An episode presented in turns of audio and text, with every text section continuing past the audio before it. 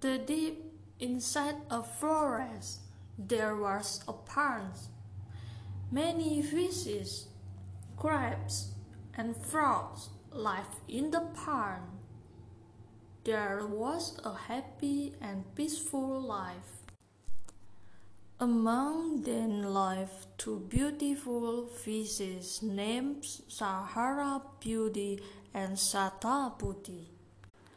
They were bigger than the other fishes in the pond. They were very proud of their good look and intelligence. In the same pond lived a frog with his wife. His name was Ekabudi. The fisher and frog were good friends. They all led an undisturbed life. But one day, two fishermen, returning from the river in the forest after fishing, came across the ponds. It was late in the evening, and as usually are the fishers and frog were at play. Sahara Budi, Shata Budi, Eka Budi, and many others joined the game. They leaped high into the air and chased each other. Seeing the beautiful scene, the fishermen were amazed and stopped in their track. How beautiful they look, said one fisherman. Yes, and so many of them too, replied the other. The pond does not look very deep, said the first fisherman. Let us catch some of them. It is already very late and we have a heavy load to carry a long way. Let's come back tomorrow, suggested the other fisherman. Ekabudi turned to the other in the pond and said, Did you not hear what the fisherman said? We must leave this pond for several places.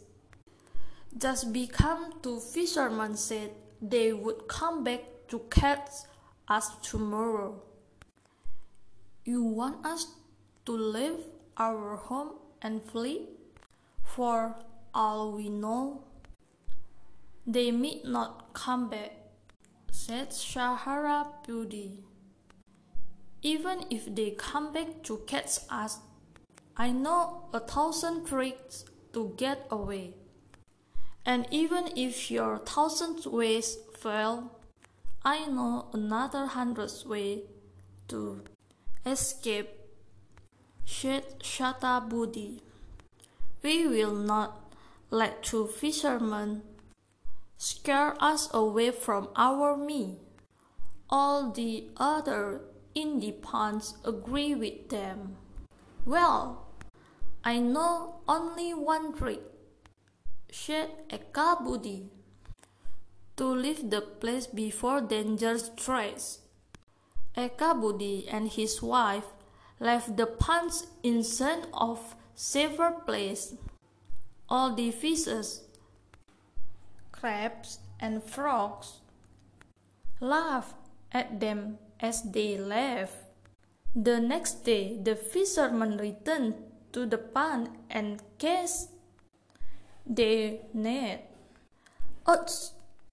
This net is too thick for me to beat through, cried Sahara Budi. For me too, cried Shata Budi. Only if I could get out, I could do something. We should have listened to Ekabudi, Cry a fish. Now we are doomed. The fisherman caught them all and put all the fisher, frogs, and crabs into a big basket and took them away. Ekabudi hiding behind a boulder with his wife If I had not acted in time, we would also be in that basket with the others.